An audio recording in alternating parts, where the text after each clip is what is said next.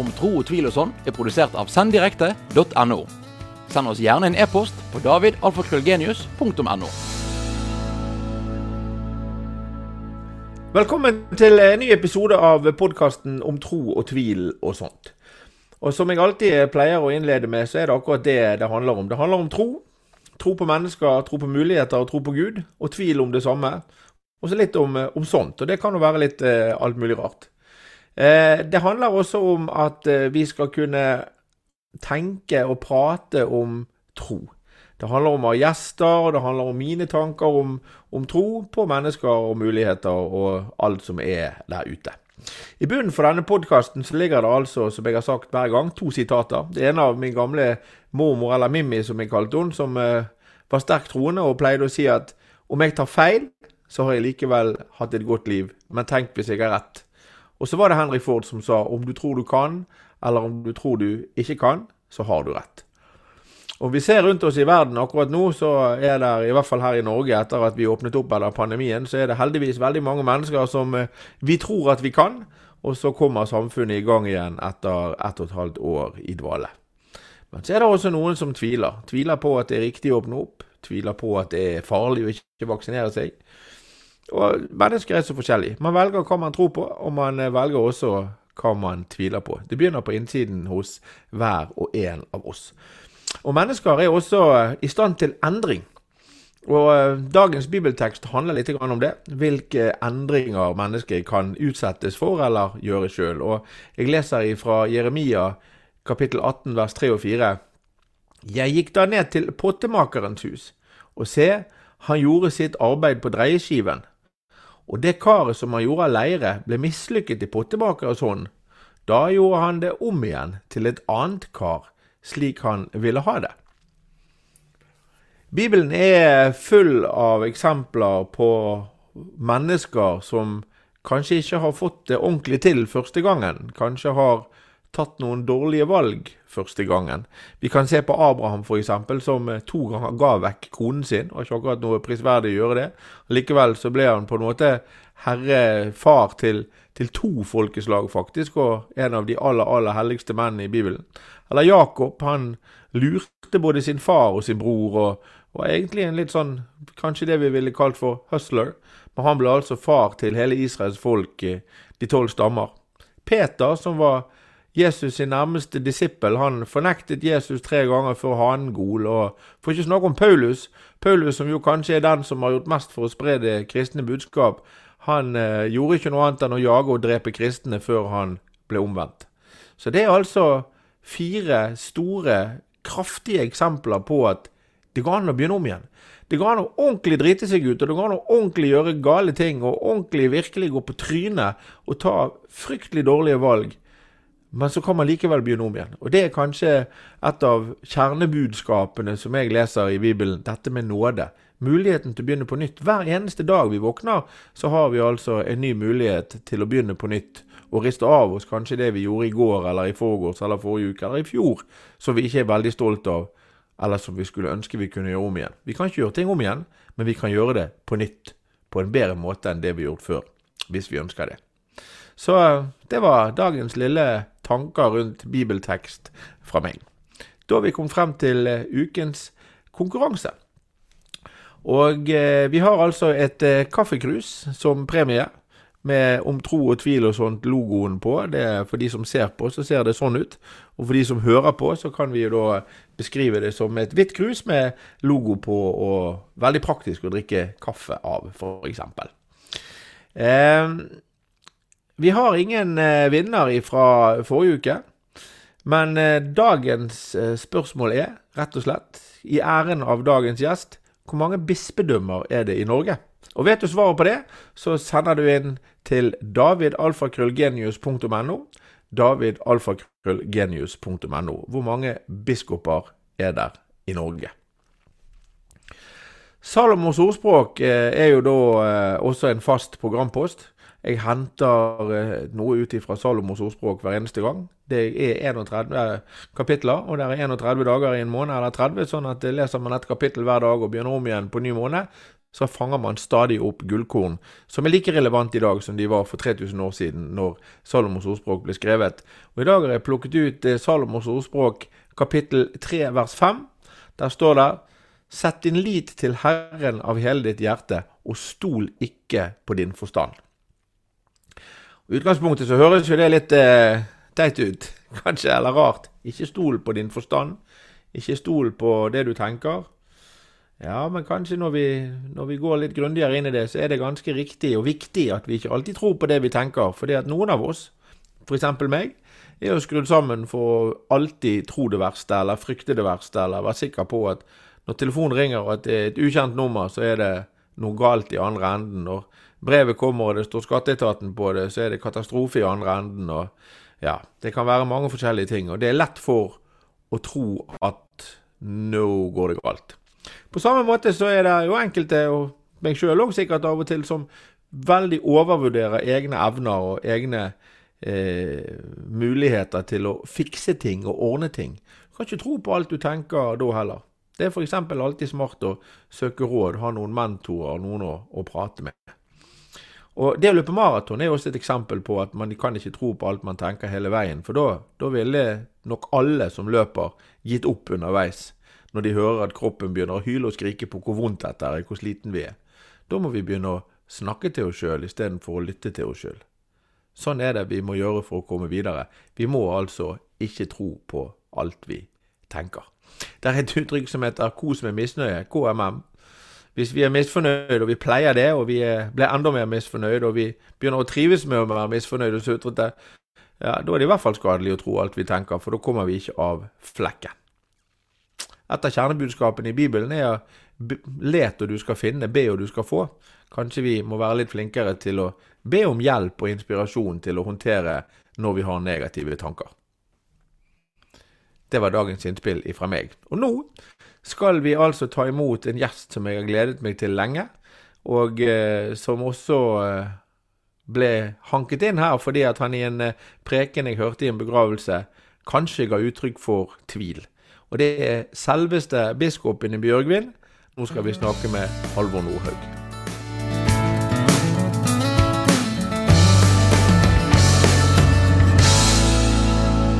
Da har jeg fått på plass uh, ukens gjest, og jeg, jeg syns det er stas å ha med biskop i Bjørgvin, uh, Halvor Nordhaug. Vær hjertelig velkommen.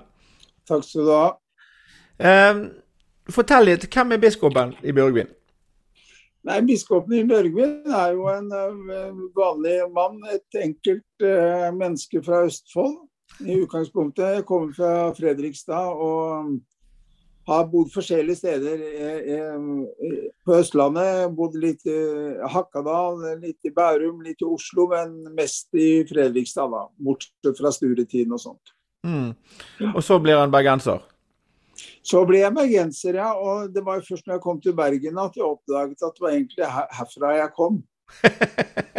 Fordi at den måten bergensere er på, den, den, liker jeg veldig godt. Det er jo ikke alle som liker bergensere like godt, men jeg uh, er blitt veldig glad i bergensere. Og liker den Ja, de overdriver og de skryter litt, og de ironiserer og har masse humor og krangler litt. og Det er mye liv.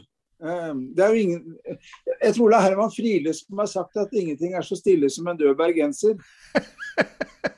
Og, og, og, den mentaliteten, den har jeg sans for. Ja, det er veldig bra.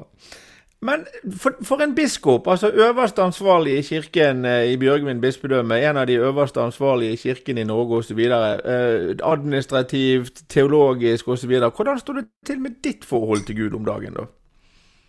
Nei, det er jo et forhold som jeg eh, lever i, og som er med meg hele tiden. Men det går, betyr jo ikke at jeg går omkring og tenker på åndelige ting bestandig.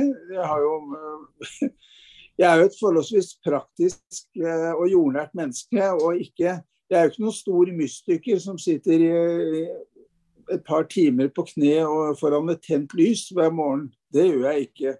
Men jeg prøver jo hver morgen å finne en, en stund Eh, for å, for å lese et, et, bibelord. Jeg leser gjerne andakten som står i Vårt Land, f.eks. Mm. Og så be en bønn, og det kan bli av varierende lengde. Noen ganger kortere, andre ganger lengre. Men jeg, tenker det at den daglige andakten er noe jeg prøver å få tid til eh, i løpet av eh, hverdagen. Og så forsøker jeg å komme meg til eh, gudstjeneste på søndager. Da. Noen ganger må jeg fordi jeg går på jobb, og andre ganger så går jeg frivillig. Jeg, eh, denne avtalen kom i stand fordi at jeg tilfeldigvis var i en begravelse du forrettet. Og, og så hadde ja. du da startet denne, denne podkasten som da heter Om tro og tvil og sånt. Og så var jeg veldig spent på hvordan det skulle være i en begravelse når biskopen var der.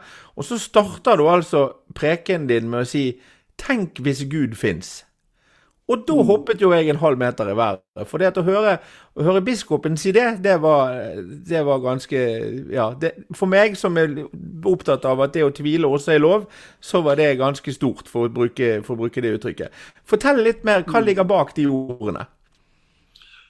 Nei, det er jo Utgangspunktet for en kristen begravelse er jo at, at Gud fins.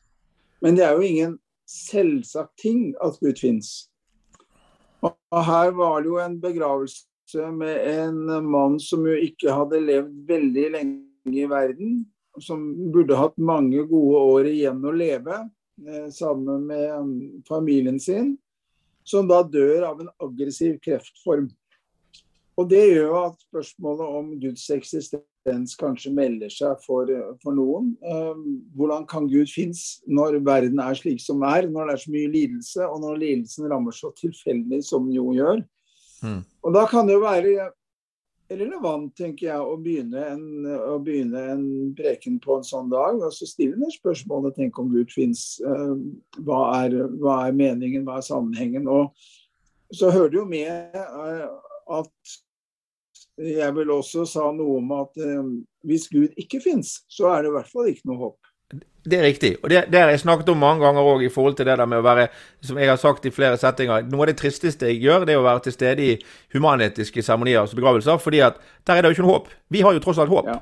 Eh, om at det er noe etterpå, men, mens der er det liksom ferdig, og så er det smikk smokk, og så er det ikke noe mer. Så, så, det er klart at men, men, det var veldig oppløftende måte du formulerte det der på. Det, det, det, du traff i hvert fall meg, som sto og holdt i et videokamera den dagen. Det var bra. Men eh, er det kanskje et problem at eh, ondskap For det er jo også ondskap i verden. Der er ikke bare Gud er god og alt det, og, og nåde og sånn. men Snakker vi for lite om at det også finnes ondskap og onde makter? Er vi, er vi liksom, prøver vi å gjemme vekk det som er ubehagelig, på samme måte som vi gjemmer vekk døden og sånn? Jeg tenker i hvert fall at det er veldig mange mennesker um, i verden som lever under forferdelige kår. Og at vi i Norge uh, på en måte har en skjermet idyll, en slags uh, velstandens osteklokke. Hvor, hvor, vi lever avsondret fra det som er virkeligheten for uh, store deler av verdens befolkning, som jo har en helt annen nærkontakt med sult, med, med lidelse, med undertrykkelse. og hvor, hvor disse spørsmålene om, um, ja, om, om Gud og, og, håpet blir veldig eksistensielle da, for, mm. Uh, for, mange. Og Det paradoksale er jo at det faktisk kan se ut sånn, for å tegne en litt grov strek, at de menneskene som, som har det verst, også er de som tror mest på Gud. Um, og, men disse temaene er jo ikke like eksistensielle for oss, fordi vi lever jo i en eh, skjermet tilværelse, som er sagt. Og jeg tror nok det at gudstroen har enklere kår der hvor mennesker mangler mye. Eh, og hvor, og hvor, ikke velferdsstaten stiller opp for deg i alle sammenhenger, og hvor levealderen er over 80 år i snitt.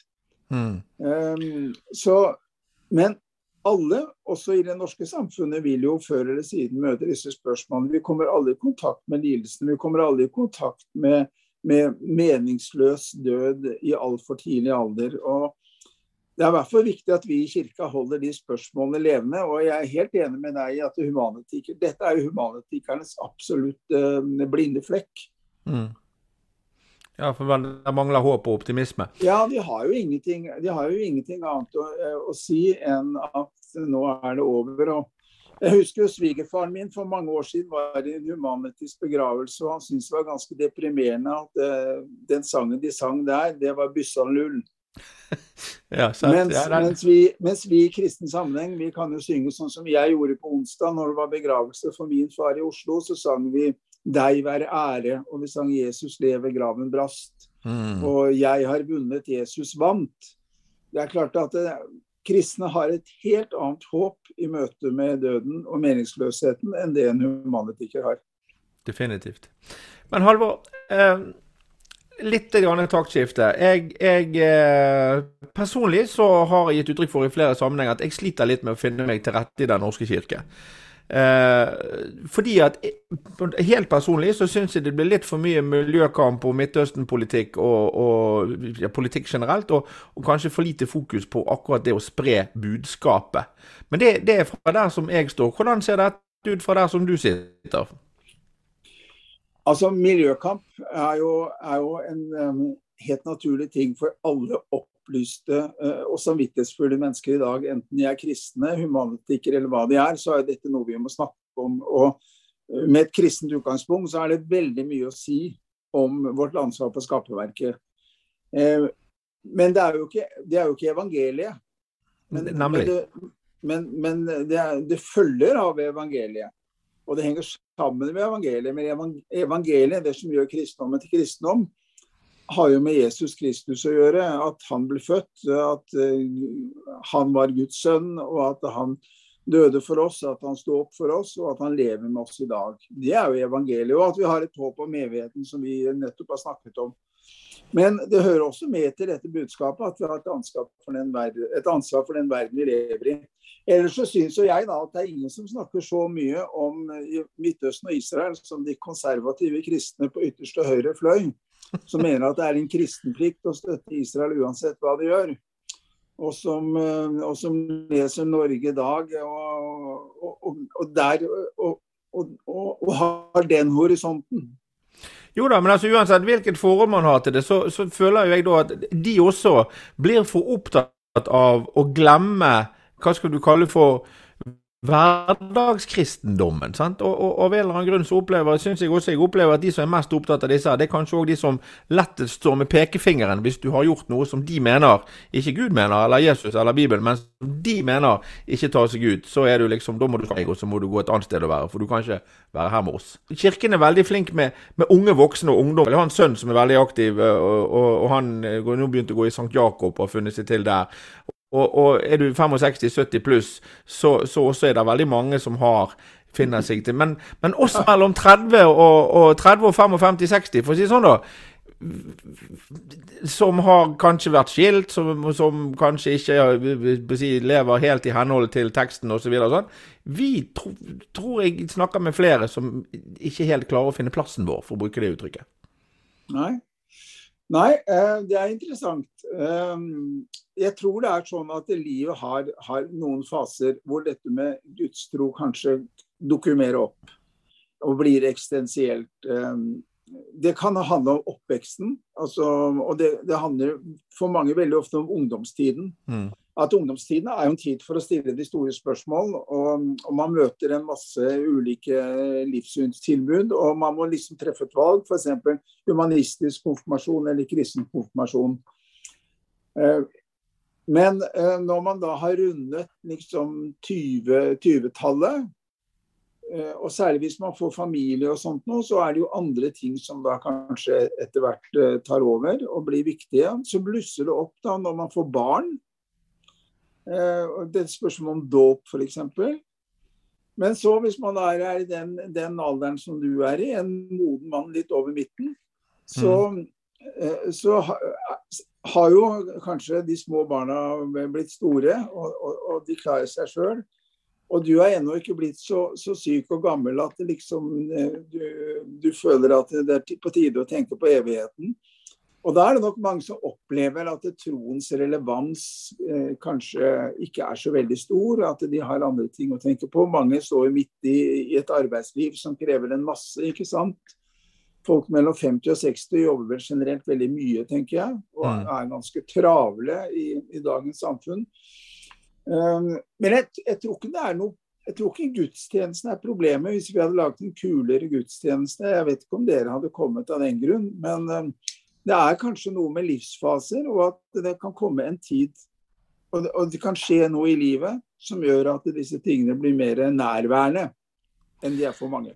Ja, og, og, kanskje på en eller annen måte kunne man ha åpnet for at det var mer rom til samtaler. Ikke, ja. og, og, altså at det var plass til å ha den gode samtalen. Er, jeg, jeg, har ingen plass kan, Nå kjenner jeg jo jeg prester, og nå er jeg til og med særlig at jeg får lov å sitte og prate med biskopen, men, men det at, at, folk i min situasjon, i min aldersgruppe, faktisk kan oppleve å gå i kirken og ha noen å prate med og stille spørsmål til. For den arenaen finnes det ikke så tilgjengelig.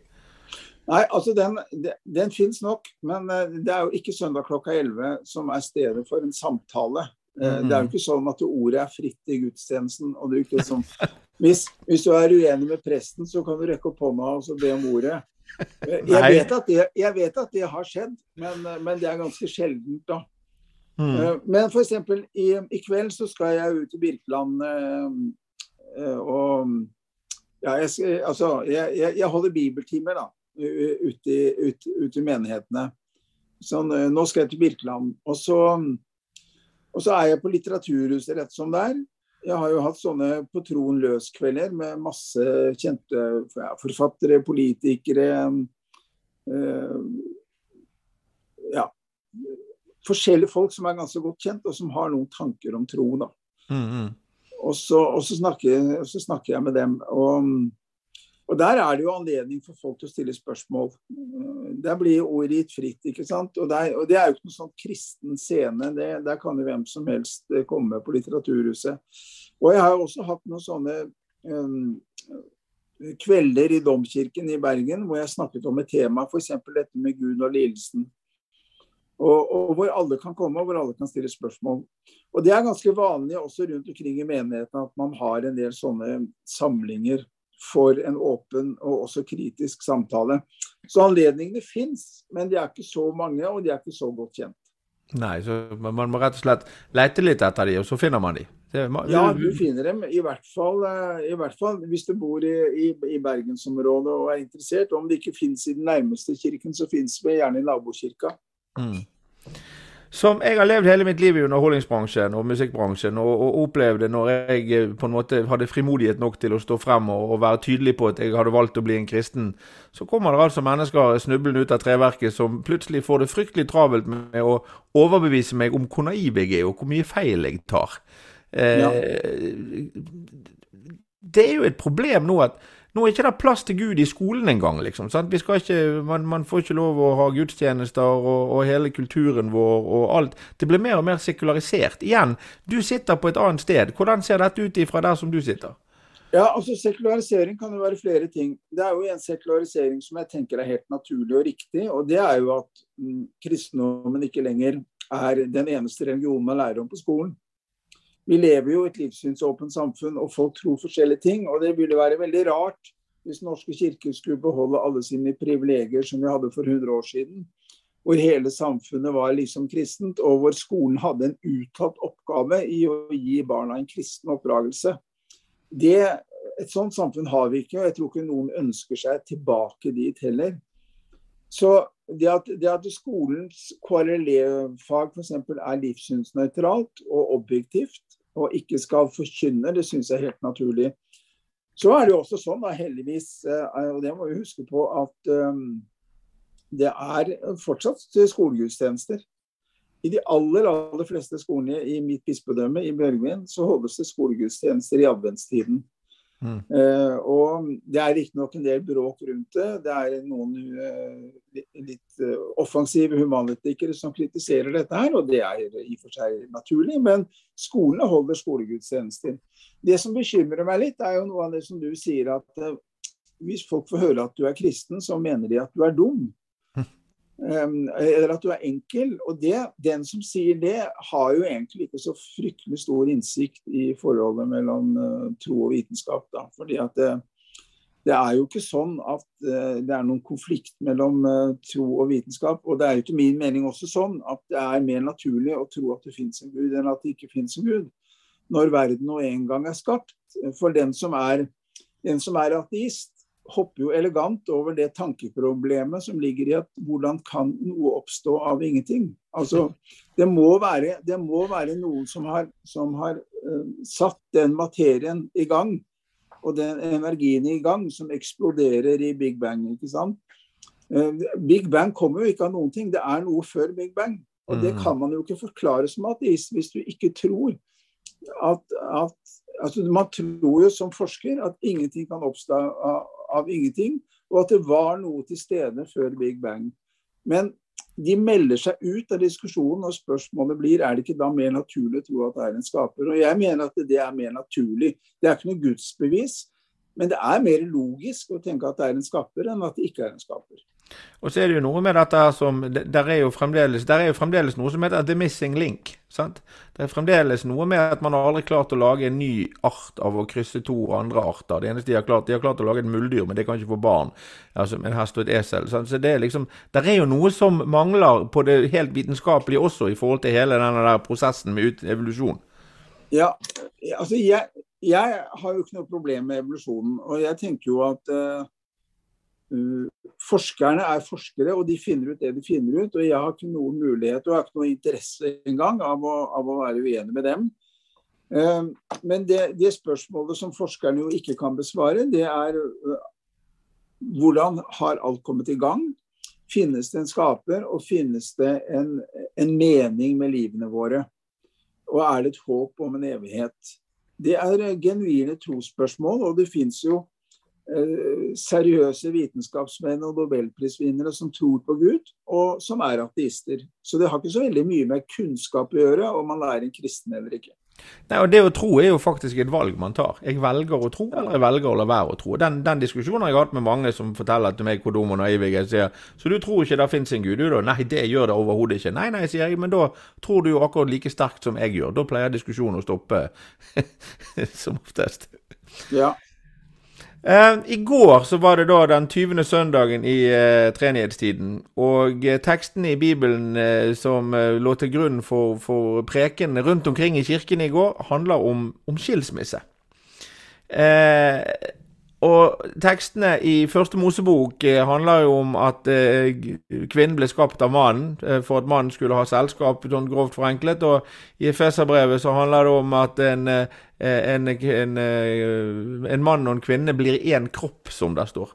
Men det er et veldig fokus på mann og kvinne. Det er et veldig fokus på at man skal være gift, og at man skal holde ut.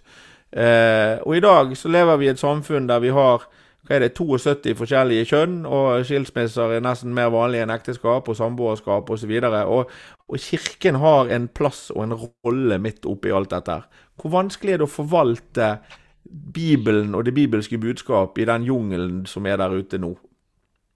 Altså, ja, jeg er enig i at vi, vi, lever i en spesiell tid, og det er veldig mye forvirring omkring kjønn. Og det er, det er, mange, det er veldig mange muligheter og mye usikkerhet, eh, kanskje særlig blant unge mennesker, når det gjelder å finne sin eh, seksuelle identitet, da, som man gjerne kaller det. Men de aller, aller fleste er jo slik som folk har vært, at eh, de finner en av det motsatte kjønn.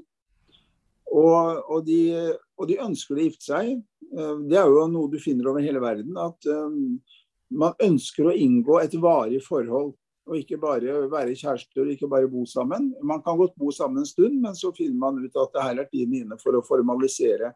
Det å formalisere forhold, det ligger jo veldig dypt i oss. Vi trenger den tryggheten.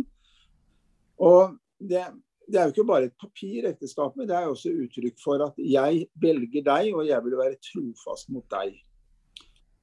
Så jeg mener nok at vi skal ikke overdrive hvor mye forvirring det er. Og så tenker jeg at vi de som, de som ikke vil leve i ekteskap, og de som ikke er tiltrukket av, av motsatte kjønn, de, de må også få, få, finne sin vei. Og jeg er jo glad for at det er større åpenhet rundt disse tingene, og at det er lettere å være annerledes nå enn det det var den gangen jeg var ung. Det er jo ingen tvil om. Så er jeg kanskje litt spørrende til om, om vi problematiserer for mye, og at det er for mange som syns at dette med seksualitet og seksuell identitet er, er noe som man må ta stilling til hele tiden. At man ikke kan hvile litt i, i, at det er noe som er naturlig. Og jeg tror også at det er et biologisk kjønn da, som er gitt. Og så er det mange uttrykk innenfor det biologiske kjønnet. Mange måter å være kvinne og mann på. Kanskje mange flere enn det man trodde før. Men en, en, mann er en mann, og en kvinne er en kvinne, uansett hvilke operasjoner du foretar. Mm. Og, sånne ting må vi kunne tørre å si, enten vi er kristne eller ikke. Men hovedstrømmen er jo at folk ønsker å gifte seg, og folk vil være trofaste mot hverandre, og folk får fortsatt barn. På vanlig måte. Ja, sant. Men, men, litt tilbake til det, så sier du en, en kvinne en kvinne og en mann er en mann, uansett hvordan man opererer seg. Det der har jeg også havnet i diskusjoner med, med, med folk om. Fordi at eh, det er mye som handler om i disse tider om inkludering. Vi skal inkludere alle. Alle skal få være med, ingen skal stå utenfor. Vi skal skape et samfunn som er for alle, og alt er lov, hadde jeg nær sagt, sånn i anførselstegn. Men men så, hvis noen står frem og sier akkurat det som du sier nå, at jeg tror, jeg tror på at det finnes to kjønn, og det er mann og kvinne, eller jeg tror at homofilt ekteskap er i strid med Bibelen, eller jeg tror at det, det er synd at man ligger sammen uh, utenom, osv. Eh, da får ikke vi være inkludert lenger. Da er det litt sånn at du må gå vekk og skamme deg for det du mener, for dine meninger hører ikke hjemme i vår tid. Da blir man plutselig fort ekskludert. Ja, nå er det jo, er det jo kanskje ikke alle konservative meninger som behøver å opprettholdes like firkantet sånn som det, sånn som det har vært. Da. Jeg er jo blant dem som, som snakker annerledes om homofil samliv nå enn jeg gjorde for 40 eh, år siden, i hvert fall. Mm. Eh, det er jo ikke noe ideal å ikke, å ikke, endre seg litt med tiden, og ikke ta inn eh, lærdom og erfaringer som folk har. Um, så men, men, jeg er jo i og for seg enig i at de som står for en ja, vil du kalle det litt romslig, en, en konservativ samlivsetikk, de blir jo veldig hetsa. Og det, mm. dette er jo et Vi hadde jo en prest her i bergensområdet som jo rett og slett slutte, følte han måtte slutte men før han fikk begynt. Fordi han sa at han ville ikke vie likekjønnede, og da kom det altså sånn, et sånt raseri og Det ble skrevet sånne innlegg på Facebook om at uh, dette var en, en fordømmende og, og tvert imot uh, og, Eller det, det, dette var en, en, mann full av fordømmelse, og han var ikke ønsket som prest på stedet bare fordi han da ikke ville vie eh, likekjønnede, som jo var Inntil, inntil 2009 så, så, var det ikke noe likekjønnet ekteskap engang. ikke sant? Så er det ikke bare det at man nå har åpnet for likekjønnet ekteskap, men det går faktisk ikke lenger an å mene at ekteskapet fortsatt er en ordning for kvinne og mann. Og, det, og Da blir jo meningsrommet veldig trangt og taket veldig lavt. Det er akkurat det. For det er det som er liksom disse menneskene som skal åpne og utvide, og alt skal være for alle. Men med en gang du står litt på siden av det, så du sier jeg er litt konservativ, ja da er ikke det plass til deg. Det er jo like ille. Ja, altså jeg, jeg, jeg hørte jo en gang, eller jeg leste en gang at noen hadde skrevet 'framfor en åpen kirke ut med de konservative. Ja. og, det, og, det, er klart, Jeg vet ikke om, om, det var et sitat som er laget mer på ironi, men, men det er en spissformulering da, som sier at for å få kirka åpen, så må vi kvitte oss med de som ikke er eh, like liberale som det vi er selv. Og Det er noe som er kalt for uh, de liberales dilemma, nemlig at de liberale sliter veldig med å åpne for de som ikke er like, like liberale som de er selv. Mm. Uh, men toleranse er jo faktisk å kunne leve med det at noen mener annerledes. Og det, det, er jo en øvelse som vi trenger i vår tid å praktisere. Eh, enten vi er konservative eller liberale, at vi gir hverandre rom. Og jeg syns jo at Norske kirke har lagt seg på en ganske fornuftig kurs når det gjelder dette med ekteskapet. At man har, du har to syn på ekteskapet. Noen aksepterer likekjønnet eh, ekteskap, andre gjør det ikke. Vi har en liturgi som de likekjønnede kan bruke, og vi har også en liturgi som sier at ekteskap er en ordning for kvinne og mann. Um, og Så er det noen som mener at det er en umulig dobbeltkjøring, men jeg tenker at uh, vi i Kirken har en viss trening i å være uenige. F.eks. så har Kirka i 2000 år tenkt litt ulikt om er det lov å ta liv. Uh, F.eks. i krig eller i nødverge er det lov å ta liv. Og da har noen ment, og kanskje de fleste ment, at ja, det må være lov. Mens det alltid har vært en opposisjon som har vært totalt pasifistisk. Og det, vel, det er en uenighet om et alvorlig spørsmål, og den har vi levd med. Kanskje det er si, veldig viktig i en verden som handler om tro, at det, alltid, at det også må da være lov å være, være, uenig, fordi at det er ingen absolutte sannheter her. sant? Nei, det er, det er helt riktig. det, og det, det er jo åpenbart at når det gjelder synet på familie og samliv og kjønnsroller og sånn, så har jo veldig mye endret seg. Ting var eh, svært, svært annerledes eh, på, på Luthers tid eh, enn det det er nå. Og ikke minst så hadde jo kvinnene en helt annen plass i samfunnet enn det hun har fått nå. Og vi vil jo si at veldig mye er bedre nå enn det var før. Mm. Men ikke alt nødvendigvis. Hvordan er det da oppi alt dette her, når du skal forvalte sakramenter og budskap og kirke og nåde og være leder, så er du også arbeidsgiver. Eh, med arbeidsgiveransvar for ganske mange mennesker i en organisasjon som har noen ganske dype verdier når det gjelder nåde og inkludering. Men til syvende og sist må du jo noen ganger være arbeidsgiver. Hvordan er det? Det er jo stort sett veldig kjekt. Jeg er jo arbeidsgiver for ca. 170 prester. Og det er jo eh, fremragende folk som gjør en god jobb, eh, alle sammen. Og hvis de ikke gjør en god jobb, så får jeg høre det. Men eh, det jeg hører om prestene i Bjørgvin, er, er gode ting. Og jeg er veldig glad i prestene, og jeg liker å ha med dem å gjøre. Og så er det jo sånn som arbeidsgiver at det aller meste er positivt, og så hender det av og til at det er noen problemer. Og da må jo vi eh, følge lovverket. ikke sant? Arbeidsmiljøloven sier hva du skal gjøre. Vi skal kalle inn til samtale, vi skal treffe tiltak, vi skal forsøke å finne løsninger. Og alt dette gjør vi. Uh, og, det krever en del ting, og det tapper energien. Det er noe av det jeg syns er tungt med å være biskop. Måtte, og det er heldigvis sjelden, men det skjer at vi må gå inn i, i tunge personalsaker. Ja, for det er klart at Du, du forvalter og leder 170 mennesker som har som oppgave å dele ut og forvalte sakramentet. sant? Og mm. da er det noe med at de trenger jo også påfyll på en eller annen måte. Ja da, det gjør de, og det håper jeg at, de, at, jeg kan være med å gi dem. Vi kaller jo sammen nå i høst, så skal vi ha samling for alle prestene. og Da skal vi gjennom foredrag og samtaler forsøke å gi hverandre noe, nye tanker og inspirasjon. Og jeg er jo veldig mye på reise. Jeg var jo for ikke mange dagene siden på visitas oppe i Årdal, innerst i Sogn, og syntes det var strålende. Og jeg møter jo medarbeiderne der. og jeg håper de blir inspirert, og jeg blir i hvert fall inspirert av, av sånne møter. Så ja, det er Vi trenger alle påfyll, og vi trenger alle å fornye troen på det vi driver med. Mm. Veldig spennende. Jeg, holdt, jeg, var så heldig å få lov å holde eh, motivasjonsforedrag eh, for ansatte i kirken på Askøy for noen år siden. Når du utfordret ja. prestene og sa når du går på talerstolen altså Det er et uttrykk som sier når du klatrer opp i stien, gjør du det for å se på verden eller for at verden skal se på deg?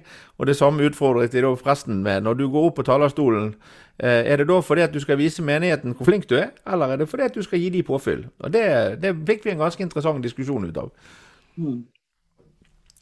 Halvor, jeg ser på klokken at uh, jeg har brukt, og du er en travel mann. Jeg har brukt opp uh, tiden som uh, vi har fått til rådighet. Det har vært fantastisk spennende og hyggelig å prate med deg. Og du skal ikke se bort ifra at, at jeg inviterer deg til ny prat en gang om en stund. For dette syns jeg var veldig kjekt. ja, i like måte. Så er det sånn at eh, når vi slutter av disse sendingene, så pleier jeg alltid å be når jeg har en prest med, å be gjesten om å, å lyse velsignelsen. Og det vil jeg gjerne be deg også om å gjøre. Men før du gjør det, så må jeg da si tusen takk for, til deg som har hørt på eller sett på dette. Tusen takk til min sønn Jon Edvard Lillemann, som er produsenten.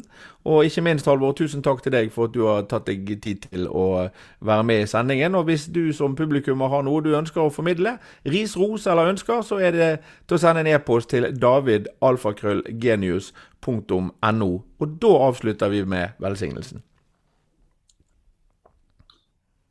Herren velsigne deg og bevare deg. Herre la sitt ansikt lyse over deg og være deg nådig. Herren løfte sitt åsyn på deg og gi deg fred.